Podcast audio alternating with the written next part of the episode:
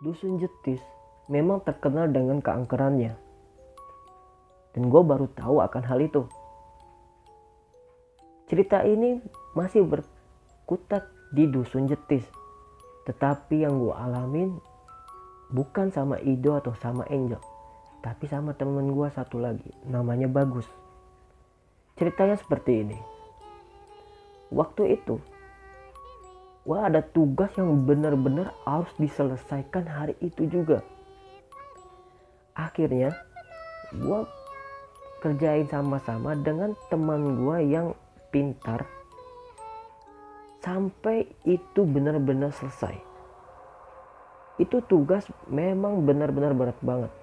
Gue selesai jam 12 atau setengah satu. Saat itu motor gue lagi rusak akhirnya bagus nyamperin ke kosan gua. Ayo kita ngerjain tugas ya. Ya selesai. Ya udah ayolah gitu. Motor bagus ini Vespa warna ungu. Kayak janda ya. Tapi emang itu warnanya. Lalu kita pergilah ke kosannya Vivi saat itu. Kita nugas kita dikasih jajanan tugas selesai dan kita siap-siap untuk pulang. Karena udah jam 12 juga kita nggak enak juga sama ibu kosnya. Karena itu kos-kosan putri. Lalu kita pulang gue sempet iseng cerita ke dia. Wah gila ya Gus di sini suasananya creepy banget gitu iya gitu. Makanya itu gue rada-rada gimana gitu kalau ke sini gitu Hmm. Jalan menuju kosannya Vivi, kita harus melewati sebuah jalur yang di mana kiri kanannya itu pohon bambu. Dan ada sebuah patung semar, benar-benar patung semar, bukan gambar patung semar. Itu kita sering ngebayangin, ih ini patung semar kalau misalnya tiba-tiba gerak gimana ya gitu. Kita sering ngebayangin kayak gitu. Dan saat kita pulang dari kosannya Vivi, saat di perjalanan yang di mana jalan itu kiri kanannya adalah pohon bambu dan di situ benar-benar gelap banget. Cuman ada beberapa rumah, kalau nggak salah tiga atau dua rumah dan itu pun jaraknya jauh banget. Di tengah-tengah tiba-tiba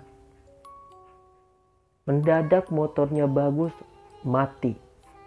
Benar-benar mati gue kaget. Gue bilang ke bagus Gus ini motor lu diisi bensin lah. Bensinnya habis.